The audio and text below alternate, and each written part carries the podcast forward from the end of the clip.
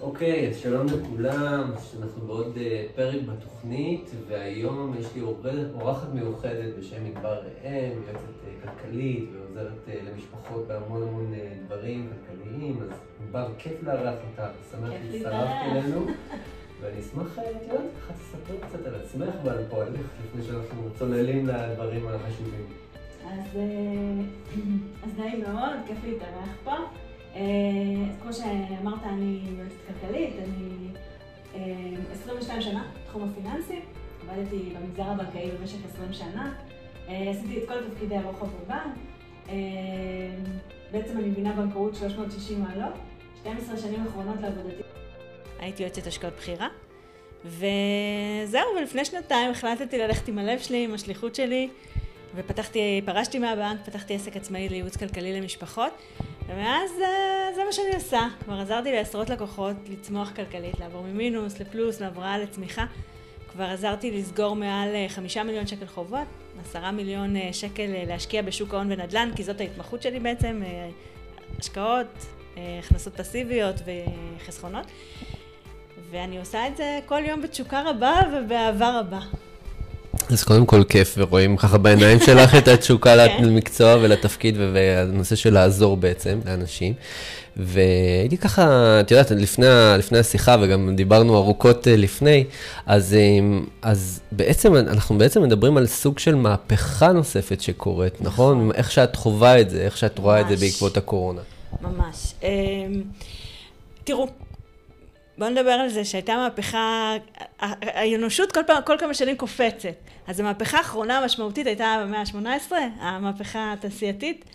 אה, ושוק העבודה היום, כמו שאנחנו רואים אותו היום, בעצם מושתת, השורשים שלו במהפכה התעשייתית במאה ה-18. אנחנו רואים את זה, אז התחילו המפעלים הגדולים, ויש בעל בית שנותן לך משכורת, ותלוש אה, משכורת, וזה יצר אה, המון תהליכים ש... כמו איור, כי הרבה אנשים עברו לעיר כדי שהם יוכלו לעבוד במפעלים, יצר צפיפות, זה יצר זיהום אוויר, ואנחנו רואים שהקורונה הביאה לנו היום אה, מהפכה חדשה, מהפכה דיגיטלית. ואנחנו רואים עכשיו את השינויים שלה. אז בהקשר הזה, באמת, אז מה שהיה במהפכה התעשייתית, אז באמת הילדים נכנסו למסגרות חינוך, נכון. והושבו בכיתות, וכולם ככה מול מורה. כדי שההורים יוכלו לעבוד, בדיוק. אז הילדים אה, שמו אותם בבית ספר, וגם כדי ליצור uh, לילדים הזדמנות אחר כך שהם יוכלו לעבוד ולהתפתח. ואז המורה היה ככה, זה היה יודע הכל, ו- וזה, והיום נכון. הילדים יודעים את הכל עם גוגל וכאלה, ופותחים היום uh, מחשבים, ו...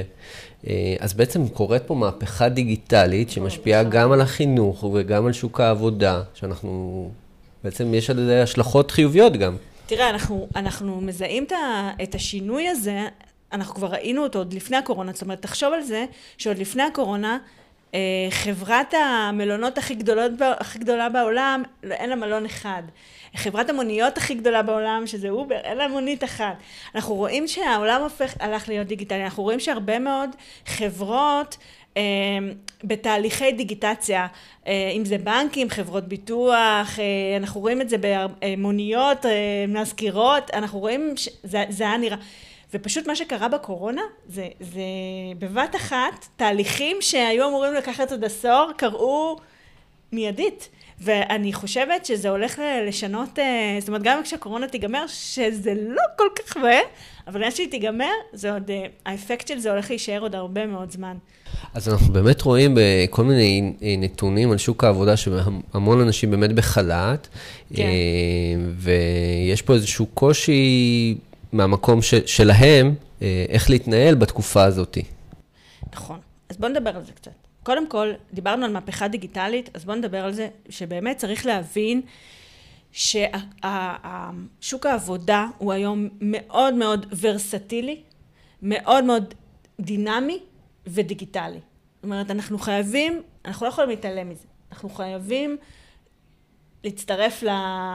להצטרף, join them, מה שנקרא. אי אפשר להתעלם ממה שקורה. אמ, זה, זה דבר ראשון. אמ, אפשר, אפשר לנצל את זה, זאת אומרת, אתה צריך פשוט להיות גמיש פרדיגמלית כדי שתוכל לעשות את זה, כי מאוד מאוד, אנחנו חושבים בתבניות חשיבה, ומאוד מאוד קשה לנו לצאת מה... מה מהתבניות שאנחנו חושבים. את יכולה לתת דוגמה באיזה... כן, שאם אתה עובד בעבודה מסוימת, אתה יותר ממני יודע, אנשים שעובדים במקום מסוים, הם רגילים לעשות עבודה מסוימת. נגיד אנשים שעובדים בתיירות, נכון? דיברנו על תחום התיירות, אה, ש, שתחום התיירות ספג מכה מאוד קשה.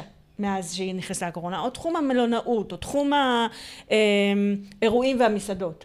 זה, זה תחומים שספגו מכה אנושה, ואנשים היום צריכים להמציא את עצמם מחדש. וזה מאוד קשה, כי אנחנו רגילים לעשות משהו מסוים במשך כל כך הרבה שנים, מי שעובד בתיירות במשך 30 שנה, פתאום עכשיו צריך למצוא, לקחת את אותם כישורים שעזרו לו בתחום התיירות ולהפוך אותם, ול... לתחום אחר. זה למנף ל... אה, להסיט אותם, כאילו, את, את הכישורים, את הכישורים ש... ש, ש, ש את, את זה שהוא מסוגל multitasking מול כל החברות ביחד, ול, ולעבוד בעומס, ולעבוד ב... אה, ב מה עוד כישורים בתחום התיירות? אני מנסה לחשוב ככה, לקחת את הדברים האלה ולהעביר אותם למשהו אחר שהוא היום יותר צריכים אותו. ואנחנו תמיד כשאנחנו צריכים לעשות שינוי, אנחנו מסתכלים על מה אנחנו מאבדים, על ההפסד, יותר קשה לנו מאשר על הרווח, ולכן קשה מאוד לאנשים לעשות שינוי. ואני, ככה דיברנו לפני השיחה, ואת רואה הרבה רווח בזה שאנשים לא צריכים להגיע למשרדים. נכון. זאת אומרת, נכון. זה גם חיסכון בעלויות מן הסתם למעסיקים, שאולי נכון. לא צריכים את כל המשרד, או חציו בגלל הקפסולות, אבל uh, גם לעובדים זה יכול להשתלם כלכלית בצורה... כן, קודם כל המעסיקים, מצד המעסיקים, המעסיקים, אה, דיברנו על, על שינויים, אז גם מעסיקים יצטרכו עכשיו, תראה, עד עכשיו הייתה שרשרת פיקודית, אוקיי? זה נורא ברור, מגיעים למשרד ויש אה, מנכ"ל, סמנכ"ל, מנהלי אגפים, וכל אחד נותן את ההוראות שלו, ואתה אתה שולט בעובדים בעזרת שרשרת פיקוד. היום, בגלל שהעובדים מהבית, אתה צריך לשלוט, בגלל שזה... ב, בזכות שליטה, כאילו אמ, יותר אה, השפעה. מנהיג, השפעה. מנהיג של השפעה. כי באמת אתה צריך להשפיע על אנשים, אנשים לא קרוב אליך. אז איך אתה יוצר את הזיקה הזאת למקום עבודה, בלי שה... זה אתגר מאוד גדול, מדברים עליו הרבה. אתגר מאוד גדול למעסיקים. מצד שני, יש להם באמת, החברות הופכות להיות הרבה יותר רזות, הרבה יותר... אה, ויכולות לחסוך המון כסף, ולכן משקיעים יותר בעובדים במקומות אחרים, במקום להשקיע בדברים שהיו עד עכשיו. הכל משתנה. עכשיו, עובדים, זה היתרון הכי גדול שיכולים היום לעבוד מכל מקום. תקשיבו טוב. שזה כל הכיף, זה כל הכיף היום. אתם יכולים לעבוד מכל מקום. כל מה שאתם צריכים זה וי-פיי חזק. כאילו, תחשוב על זה, אפשר לעבוד על אי בתאילנד, או אפילו. לא צריך להרחיק, אבל uh, זה חלום חיי לעבוד בחו"ל. אבל, uh, אבל אפשר... היום להשכיר דירה בעיר זה מאוד מאוד יקר, אז לא חייבים לגור בעיר, אפשר לגור רחוק, אפשר לגור בפריפריה ששם יותר זול, ואז החיים הרבה יותר זולים.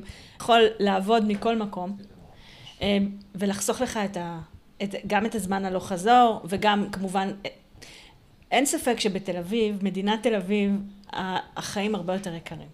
ובפריפריה החיים יותר זולים. אם זה אוכל, אם זה שירותים אה, שונים, גני ילדים, כל דבר הוא הרבה יותר יקר. כן. ואתה פשוט יכול אה, באמת לחסוך את זה. במחיר, בח...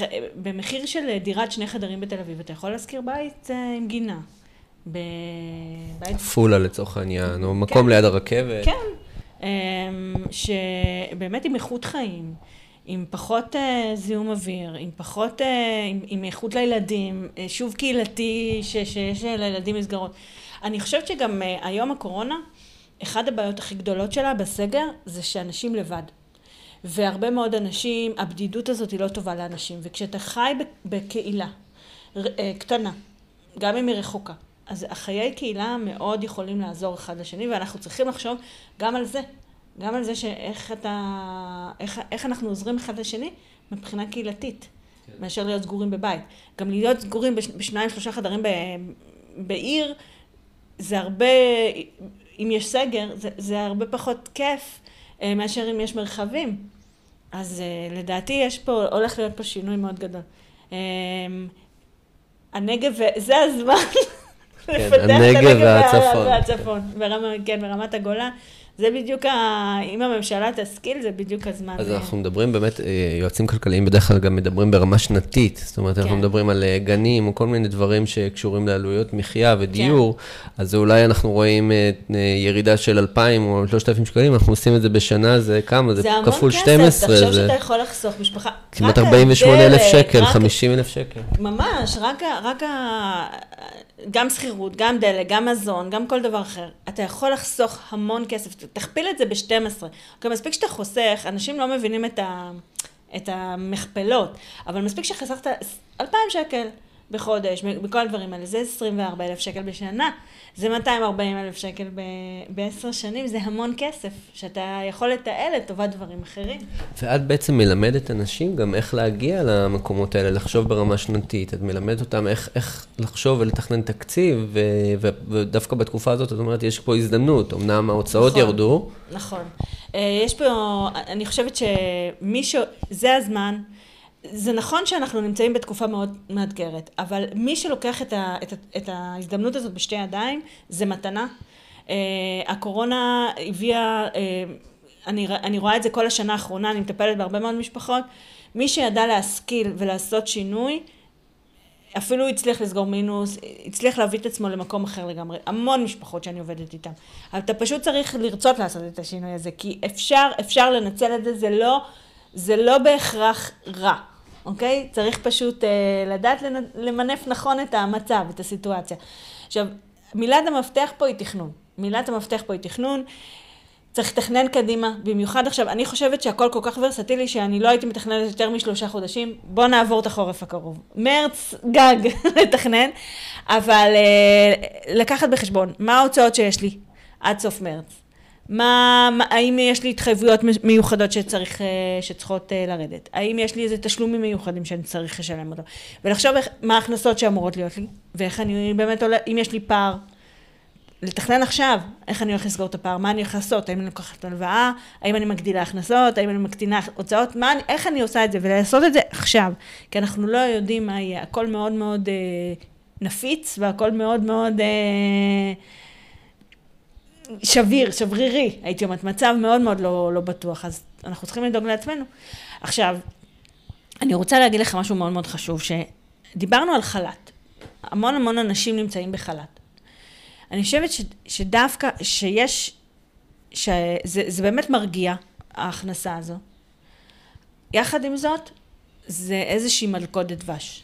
כמו בלון מסוים. כן, כי, כי מה יקרה, מה, מה אמור לקרות ביוני?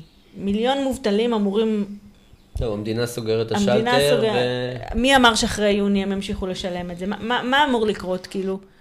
אז עכשיו, עכשיו, מיליון אנשים יצאו לשוק העבודה, ומה מה, מה יקרה? אז נכון שאתה משלם מחיר אם אתה חוזר היום לשוק העבודה, ואתה צריך גם להתמודד עם, אה, עכשיו עם, עם, עם ילדים, ועם, אתה יודע, עם שגרת בוקר, ומה ש... כשאתה בחל"ת יותר נוח וקל, וצריך עוד פעם להתמודד עם הבית, ואולי גם ירידה בהכנסות, אבל, אבל כן חשוב דווקא בגלל זה, לחזור לשוק העבודה. משוק העבודה תמיד אפשר לעבור לתפקיד הבא במקרה הכי, הכי גרוע. כשאתה לא בשוק העבודה, יהיה לך הרבה יותר קשה לחפש את התפקיד הבא. גם יש משהו שקורה כשאנשים נמצאים בבית יותר מדי זמן, ולא עובדים על הכישורים שלהם, ויכולות חברתיות וכל מיני דברים, זה אמנם כאילו חופש כזה, אבל זה קורה איזשהו תהליך שהוא קצת אחר. אמ, קוראים לזה דיכאון. כן, אתה שוקע, אה, אתה שוקע. בוא נדבר על משהו מאוד מאוד חשוב, שהוא הוא מאוד מפריע לי. יאללה. שמי שנפגע הכי, הכי גדול מהסיטואציה הזאת זה נשים. 62 אחוז מאנשים שיצאו לחל"ת זה נשים. וזה מחזיר אותנו לשנות החמישים, זה מחזיר אותנו לזה שכאילו אנשים, אה, האנשים, כאילו, בהיי, הבינו שהמשכורת שלהם מראש יותר נמוכה ולכן הם נתנו לבעל לעבוד והם הם התמודדו עם כל הקורונה וסגר וילדים בבית וכל הסיפור הזה. אז אנחנו חווים באמת אה, הרבה מאוד משפחות, שהרבה נשים חוות דיכאון. הרבה נשים, אה, פתאום הערך העצמי שלהם יורד. הרבה נשים פתאום מרגישות שהן לא שוות. אה, פתאום רק הוא מפרנס. ואני מדברת איתך על נשים שהיו בתפקידי מפתח בהמון המון חברות אה, ובהמון תפקידים. כי מה זה קריירה היום? קריירה זה בעצם סוג של חלק מהזהות העצמית שלנו. נכון. בעצם חלק מהזהות, אנשים אומרים, כל הזהות העצמית, אבל זה לא כל לא, הזהות העצמית, זה... יש עוד הרבה רבדים. חלק מסוים מהזהות העצמית נפגע. מאוד. וכדי לשקם את זה, ככל שאנחנו נמצאים יותר זמן בבית, ככה יותר קשה לשקם את זה, ואנחנו רוצים להיות שם בחיפוש עבודה וברעיונות עבודה, ולהתחיל לחשוב בכיוון איך אני כבר חוזר. נכון, נורא חוזרת. חשוב. חוזרת, בדגש על חוזרת. אה, כי לאישה זה ממש משמעותי, אישה שכל החיים עבדה, אה, הערך העצמי, כמו שאתה אומר, הקריירה זה משהו שהוא חשוב. אני חושבת שגם למשפחה בסופו של דבר, ההכנסה של המשפחה, אי אפשר לוותר היום על הקריירה, אבל גם הערך שלך כ, כבן אדם, כ, כאישה, כמישהי ש, שיכולה לפרנס, זה משהו שהוא מאוד מאוד חשוב, לה, אי אפשר לקחת את זה לנשים. קשור למימוש עצמי, אנחנו מאוד, מדברים על כן. טבלת. הצרכים של מאסלו, אז כן, מאוד חשוב. תרגישי שווה. לצאת מהבית, לא כן. רק התפקיד הביתי. שלא נדבר על זה שאתה קם בבוקר, מתלבש, מתאפר, מסתרק, אתה לא רק... אה, אימא, אימא, אימא, אימא. אה, יש, יש לי חברות שכבר אומרות לי, אני לא יכולה לשמוע את המילה אימא יותר. בוא נוציא אותה מהלקסיקון. כן, זה, זה, זה פתאום... אה, אה, אז, אז כן, אני, אני, אני ממליצה מאוד, ואני רוצה להגיד עוד משהו בכלל. זאת אומרת, זה, זה ככה דיברנו על חלל ודיברנו על אנשים. אני מאוד שמה דגש על הגדלת הכנסה במשפחה. זאת אומרת, חשוב מאוד, כשבאים לתכנן, אז חשוב מאוד להוריד הוצאות, בסדר? ו, ובאמת, אני אומרת לך היום, אנחנו מדברים על, על קדימה, שלושה חודשים מה לעשות, אז קודם כל תח, להוריד את ה... כמה, לקנות רק מה שחייבים, באמת. אמ, מצד שני, זה הזמן להגדיל הכנסה. זה הזמן להגדיל את ההכנסות, ואז אם אנחנו מצד אחד מורידים הוצאות ומצד שני מגדילים הכנסות, אנחנו בעצם את כל העודפים שיש לנו שמים בצד, וככה אנחנו בעצם יוצרים את הכרית ביטחון. אז מה בעצם אנשים יכולים לעשות כדי להגדיל הכנסות בתקופה הזאת? קודם כל, הדבר הכי חשוב זה mindset, אוקיי? זה, זה באמת לוותר על הפרדיגמות, לוותר על הסיפורים הפנימיים, על האמונות המגבילות, להבין שאין לנו ברירה, בסדר? דבר שני, באמת תיקחו, תנצלו את, ה, את הדיגיטציה. אנחנו נמצאים בעולם של דיגיטל, דיברנו על זה מאוד חזק, אנחנו נמצאים בעולם של רשתות חברתיות. אין בעיה למנף את זה. קחו את הידע שלכם. מי שיכולה למכור עוגות, מי שיודע, מי שיכול, אה, אה, אה, מי שיודעת,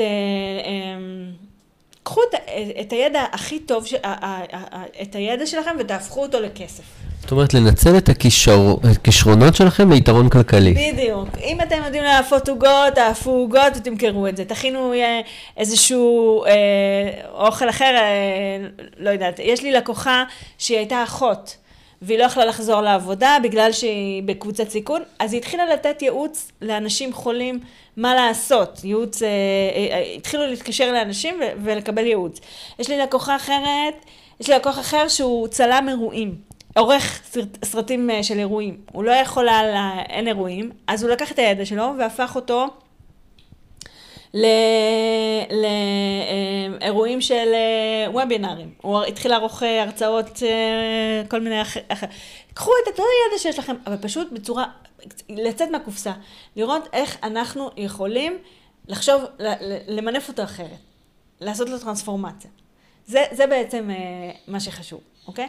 ו, ואמרתי לך, הבעיה שאנחנו נורא קשה לנו, אנחנו פוחדים לאבד, אנחנו פוחדים להפסיד, אנחנו פוחדים כאילו לשנות, לשנות דברים. זה הזמן לעשות דברים שאנחנו, אנחנו רגילים לעשות את זה, אני, אני רגילה להיות uh, זה, אבל אין לנו ברירה. אין לנו ברירה. זאת אומרת, המצב כרגע לא מאפשר לשקוע באיזשהו מקום של אה, אה, לא לעשות כלום, אלא באמת לנסות כן איך לראות איך, איך לצאת מהמקום נכון. הזה. נכון. עכשיו, אני גם חושבת שזה הזמן באמת שצריך לחשוב איך יוצרים אה, מעבר לחסכונות, אמרנו ש, שלוקחים כל כסף ולשים אותו כרגע, ב, ב, ליצור כרית ביטחון למשפחה, באמת, אחת השיטות להגדיל הכנסה זה על ידי הכנסות פסיביות, אוקיי? אה, צריך בצורה חכמה ובצורה זהירה ובהתאמה לכל אחד למה שמתאים לו, אבל לחשוב איך הוא באמת מגדיל ועושה... אה, אה, להגדיל את ההכנסות. להגדיל הכנסות על ידי הכנסות פסיביות. הדרך הראשונה היא על ידי זה שאתה, על ידי תוכן, אוקיי? אה, אה, או בעצם לנצל את הידע שלך, אמרנו, לקחת, אה, לקחת איזה ידע מיוחד שיש לך במחשבים, או לקחת איזה ידע מיוחד שיש לך ב... ב... בכל תחום. בכל תחום, להפוך אותו למדריכים דיגיטליים, לקורס דיגיטלי, להדריך אנשים אחרים, למשל. Uh, הסוג השני זה תוכן, אוקיי? שזה מוניטין. תכתוב ספר, הצגה, מוזיקה, זה דברים שהם שלך, אתה מקבל לאורך השנים כסף. הדבר השלישי, זה באמת כל מה שקשור ל-i-commerce, לחנויות האינטרנטיות, אוקיי? שזה תחום שחלק מהאנשים גם צריכים ללמוד. שזה תחום שהוא לא פשוט, זה לא, זה צריך ללמוד את זה, זה צריך, אה, זה צריך להשקיע בזה כסף, וצריך גם, יש פה סיכון שצריך לקחת בחשבון, שמספיק שינוי קטן של אלגוריתם, וכל מה שעשית יורד לטמיון, אבל, אבל אני לא אומרת שזה לא טוב, אני רק אומרת שצריך... לדעת, להבין. לדעת לעשות כן. את זה. והתחום השלישי זה התחום, כל התחום של השיווק שותפים. אה, שיווק רשתי למיניו, ולעשות שיתופי פעולה למיניו, וכל הדברים האלה, שאתה בעצם מוכר, יכול לקבל עמלות אה, בסוג כזה או אחר של אה, שיתוף פעולה. אז יש דרכים לעשות את זה, כל מה שצריך זה לעשות. זאת אומרת, קצת, קצת להתנער מהמקום הזה כן. של, של הלא לעשות כלום. בדיוק. אז זה להכניס, באמת להכניס יותר כסף לתקציב המשפחתי, למשפחה. כן. מעולה, מעולה. כן. אני חושב שאחד מהדברים שאנשים מתקשים איתו זה באמת ה... היכולת לתכנן. זאת אומרת, לתכנן שלושה חודשים, אבל איך, אני לא יודע בדיוק מה יהיה ואיך יהיה.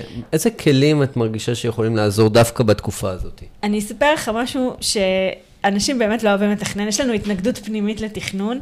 אה, תמיד אה, כשאני מדברת על תק... תכנון תקציב, תכנון זמן... אנשים שומעים תקציב, הם... אה, נהיה להם חום, נהיה כן, להם סברות כן. בכל הגוף, הם נהיים כן, חולים. זה לא קורונה, זה נקרא תרצת נפוצה. תרצת נפוצה. אנשים מתחילים להגיד, לא, אני, זה לי זה לא מתאים, אני זוכר הכל בראש, זה לא... אז, אז באמת, אין משהו, רק תקציב. תקציב זה כלי תכנוני. אנשים חושבים שתקציב זה, זה כלי ש... מקמצן אותם, שלא לא יגרום, יגרום להם לא לקנות, וזה בדיוק הפוך. בעזרת תקציב, מי שעובד נכון עם תקציב יכול לקנות הכל. תקציב זה כלי תכנוני וצריך לדעת לעבוד איתו נכון, ומי שעובד איתו נכון, הכל אפשר לקנות עם תקציב. ואת רואה בעצם בעבודה שאת מול המשפחות שלך, אנשים שבאמת מרוויחים לא מעט כסף, מרוויחים כן. כספים גדולים, ומצד שני מוציאים יותר. נכון. רק כי הם לא כל כך יודעים לתכנן. כי הם לא, זה שני דברים, זה שילוב של א', תכנון. וב', אה, תחושת אה, פיצוי, אנשים עובדים מאוד מאוד קשה. ואז הם אומרים, מה, אני עובד כל כך קשה, לא מגיע לי? אז, אה, אז אם, אתה, אם אתה עושה סדר עדיפויות, ואתה יודע בדיוק מה המטרות שלך, ומה, ולאן אתה רוצה להגיע, ואתה שם מול העיניים את, ה, את החלומות שלך, אז יותר קל לך לוותר ולהיות מכוון מטרה. אוקיי, okay, אז בעצם הכיוון מטרה, זה כמו איזשהו, כן, כמו כן. מגדלור שאליו אנחנו הולכים עם המטרות כן, שלנו, כן. אבל אה, אז, אז כאילו כן את אומרת לחשוב נגיד חמש או עשר שנים קדימה, לאן אנחנו בטח. רוצים להגיע, אנשים גם לקראת בטח. פנסיה וכאלה, ל-20 שנה קדימה, אפשר לחשוב, אפשר להתחיל לתכנן. בוודאי. מצד שני, לקחת את התקופה הקרובה של השלושה חודשים, כן. להתחיל לעשות דברים ותהליכים. כשאני, אני, להפך, אני, אני אפילו מחזקת את דבריך, כי אני חושבת שחשוב מאוד מאוד כבר היום לתכנן עשר שנים קדימה, ולגזור מזה יעדי ביניים לחמש שנים קדימה ולשנה קדימה. בגלל שהתקופה היא מאוד מאוד... אה, טריקית כזאת. טריקית. אנחנו נמצאים בתקופה ש... ש... תראה, תמיד יש אה, אי ודאות ותמיד, אבל לא ככה, לא ככה. כן. אנחנו באמת לא יודעים מה יהיה עוד שבוע, אנחנו לא יודעים מה יהיה עוד חודש, אה, אי אפשר לדעת. לכן אני אומרת, עכשיו תתכננו בקטנה, אבל כן תדעו לאן אתם מכוונים. ככל שאתם מכוונים לטווח יותר ארוך, ככה אתה הופך להיות... אה, טיל מונחה מטרה, אי אפשר להזיז אותך, זה, אתה יודע לאן אתה רוצה להגיע. מצוין, אני חושב שזה טיפ, אה, רק בשביל כן. זה היה שווה לשמוע ולהאזין לנו. כן. אני, אני באמת ככה, כשאני חושב על מה שאמרת, אה, על הנושא של אה, תכנון ודברים כאלה, בעצם יש לך איזושהי סדנה מאוד מעניינת ש, שכרגע קורית, נכון? כן, יש לי, בגלל ה... שאני הבנתי שאנשים לא מסוגלים להתמודד עם תהליכים ארוכים כרגע בגלל הקורונה, אז יש לה, בניתי סדנה מיוחדת של 30 יום בלבד, שעושים טרנספורמציה ב-30 יום. זה קצר, זה ממוקד, זה חד, וזה כל מה שהמשפחה צריכה בשביל שתוך 30 יום עושים טרנספורמציה. זה מתרכז גם ב mindset, כי אי אפשר בלי שינוי, אתה יודע, כדי להצליח צריך שינוי... תודעתי, בטח. שינוי תודעה. אה, גם, ב, גם אה, כל מה שקשור לתקציב והתנהלות כלכלית נכונה, בדיוק איך עושים והכל, ו... מה שדיברנו, יצירת חסכונות, אה, הגדלת הכנסות, כל משפחה. אה, זו תוכנית שהיא מצד אחד קבוצתית, אבל מצד שני אני יושבת אחר כך עם כל משפחה ועושה איתה את התוכנית האישית שלה. אה, מומלץ, יאללה, תבואו. אז תבואו, אבל uh, מאוד חשוב לי ככה באמת שככה uh, לקראת סיום, אנשים שרואים אותך, שומעים אותך, רוצים לדעת עוד uh, פרטים, איפה אפשר לקרוא עלייך, איפה הם יכולים לראות את זה? Uh, קודם כל יש לי דף עסקי בפייסבוק, עם בר אם, ייעוץ כלכלי למשפחות, יש, יש לי ערוץ ביוטיוב, יש לי בלינקדין, כיף. יש ניוזלטר בטח. יש ניוזלטר, אה, מי שרוצה להצטרף לרשימת תפוצה. כן. אז אה, ממש כיף היה לי לארח אותך. היה לי כיף. וככה, באמת אה, לקראת סיום, חבר'ה, אנחנו לקחנו, הפרק הזה היה קצת אה, ב shift מסוים, כמו שאני בדרך כלל מביא אנשים מאוד מעניינים, שיהיו קצת, מזווית קצת אחרת על שוק העבודה וקריירה ובכלל. והיום מאוד מאוד שמחתי לראיין את ענבר ראם ולהקשיב באמת לתובנות שלה. באמת, אם תראו, אם תשבו פה ליד, תראו כמה תשוקה וכמה יש לה באמת רצון לעזור לאנשים ולהתקדם ושכולם יצליחו. אז uh, שמחתי, שמחתי לראיין אותך, תודה. לא מאמינה שנגמר, היה ממש מהר. עבר מהר. עבר מהר. כשנהנים זה עובר מהר. היה כיף, תודה רבה לכם. ותודה לכם, ואנחנו נתראה בפרק הבא, קריירה ועוד. ביי בינתיים ולהתראות.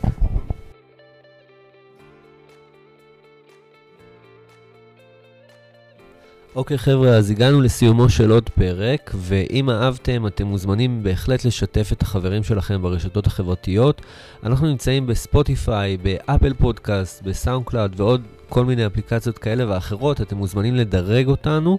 ואגב, אם אתם עוקבים אחרי הפודקאסט, אז יכול להיות שיש לכם עכשיו רצון להתקדם לתפקיד אחר, אם זה בתוך הארגון, עם מכרזים פנים-ארגוניים, או לעבור לתפקיד הבא, וזה המקום לספר שזה בדיוק הדברים שאני עושה. אני מלווה אנשים בעזרת תהליך ממוקד לתוצאה עד לתפקיד הבא. אז מי שמעניין אותו הדבר הזה, הליווי הזה, ורוצה לשמוע עוד פרטים, מוזמן להשאיר את הפרטים שלו כאן למטה, ואני אשמח לחזור אליכם uh, בהקדם, לתאם איזושהי שיחת uh, ייעוץ. ואנחנו נשתמע בפרק הבא, פרק הבא של uh, פודקאסט, קריירה ועוד. שמחתי uh, שנתתם לנו ככה, הלוויתם לנו את האוזניים לכמה דקות האלה של הפודקאסט, ואני מקווה מאוד שנהנתם. נשתמע בפרק הבא.